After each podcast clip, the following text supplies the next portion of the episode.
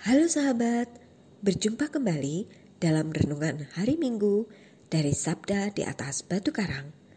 Bersama kami, Antonius Purbi Atmadi dari Paroki Maria Bunda Segala Bangsa, Kota Wisata, Keuskupan Bogor, dan Monika Tirtawijaya dari Paroki Katedral Kristus Raja, Keuskupan Tanjung Karang.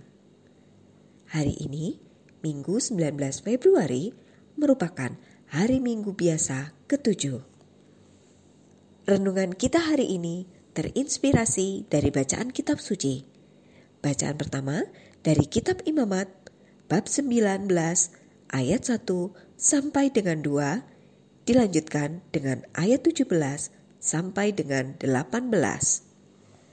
Bacaan kedua dari surat pertama Rasul Paulus kepada jemaat di Korintus bab 3 ayat 16 sampai dengan 23. Dan bacaan Injil suci dari Injil Matius bab 5 ayat 38 sampai dengan 48. Mari kita siapkan hati kita untuk mendengarkan sabda Tuhan. Dalam khotbah di bukit, Yesus berkata kepada murid-muridnya, kamu telah mendengar yang difirmankan. Mata ganti mata, dan gigi ganti gigi. Tetapi aku berkata kepadamu, janganlah kamu melawan orang yang berbuat jahat kepadamu, melainkan siapa pun yang menampar pipi kananmu, berilah juga kepadanya pipi kirimu.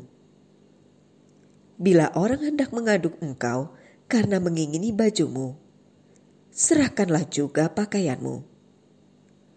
Bila engkau dipaksa mengantarkan seseorang berjalan sejauh satu mil, berjalanlah bersama dia sejauh dua mil.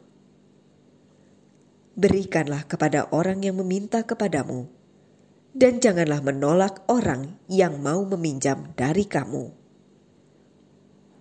Kamu telah mendengar yang difirmankan, kasihilah sesamamu manusia dan bencilah musuhmu. Tetapi aku berkata kepadamu, kasihilah musuhmu dan berdoalah bagi mereka yang menganiaya kamu.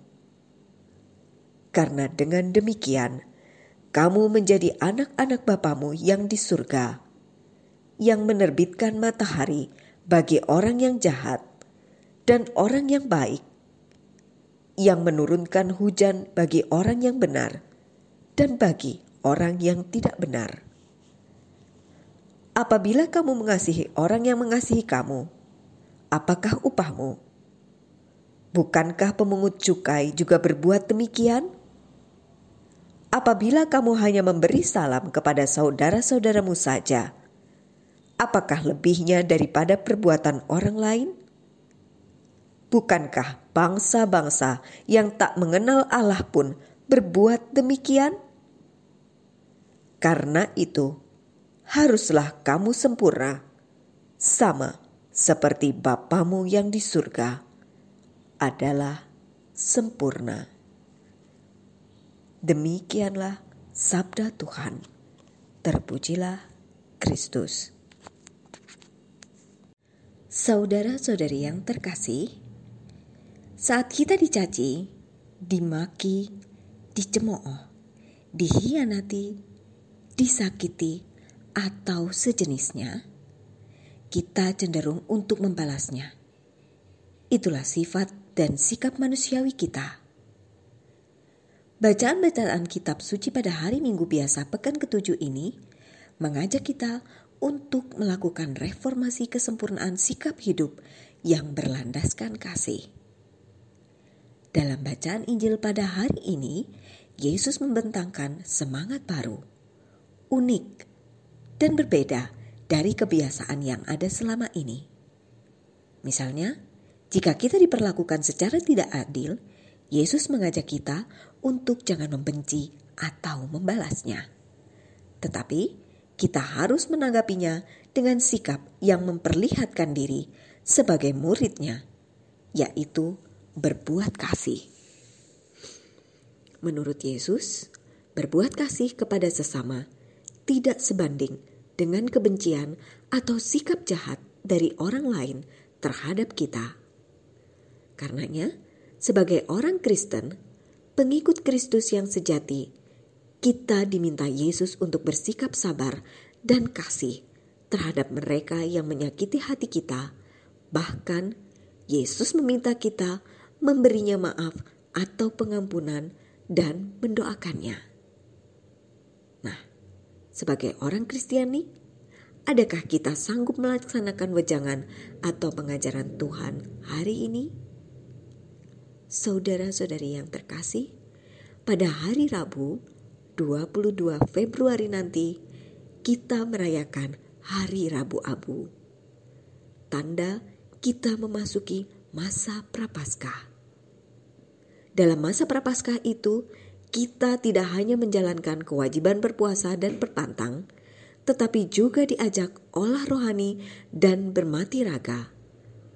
Wujudnya tak hanya bertekun dalam doa, devosi, atau berderma, tetapi juga diajak untuk mereformasi hidup beriman secara benar, yaitu kembali menjadi kenisah yang bersih di mana tempatnya Allah bersemayam. Saudara-saudari terkasih, melalui pembaptisan kita menjadi kenisa Allah Roh Kudus. Namun, kenisa itu kita kotori dengan keberdosaan. Mari kita tanggapi sabda Tuhan hari ini dan masa prapaskah nanti dengan niat dan aksi nyata, yaitu pertobatan agar hidup kita sempurna di dalam Allah. Mari kita tanggapi panggilan membangun kekudusan diri dengan mau memaafkan atau mengampuni dan mendoakan mereka yang menyakiti hati kita.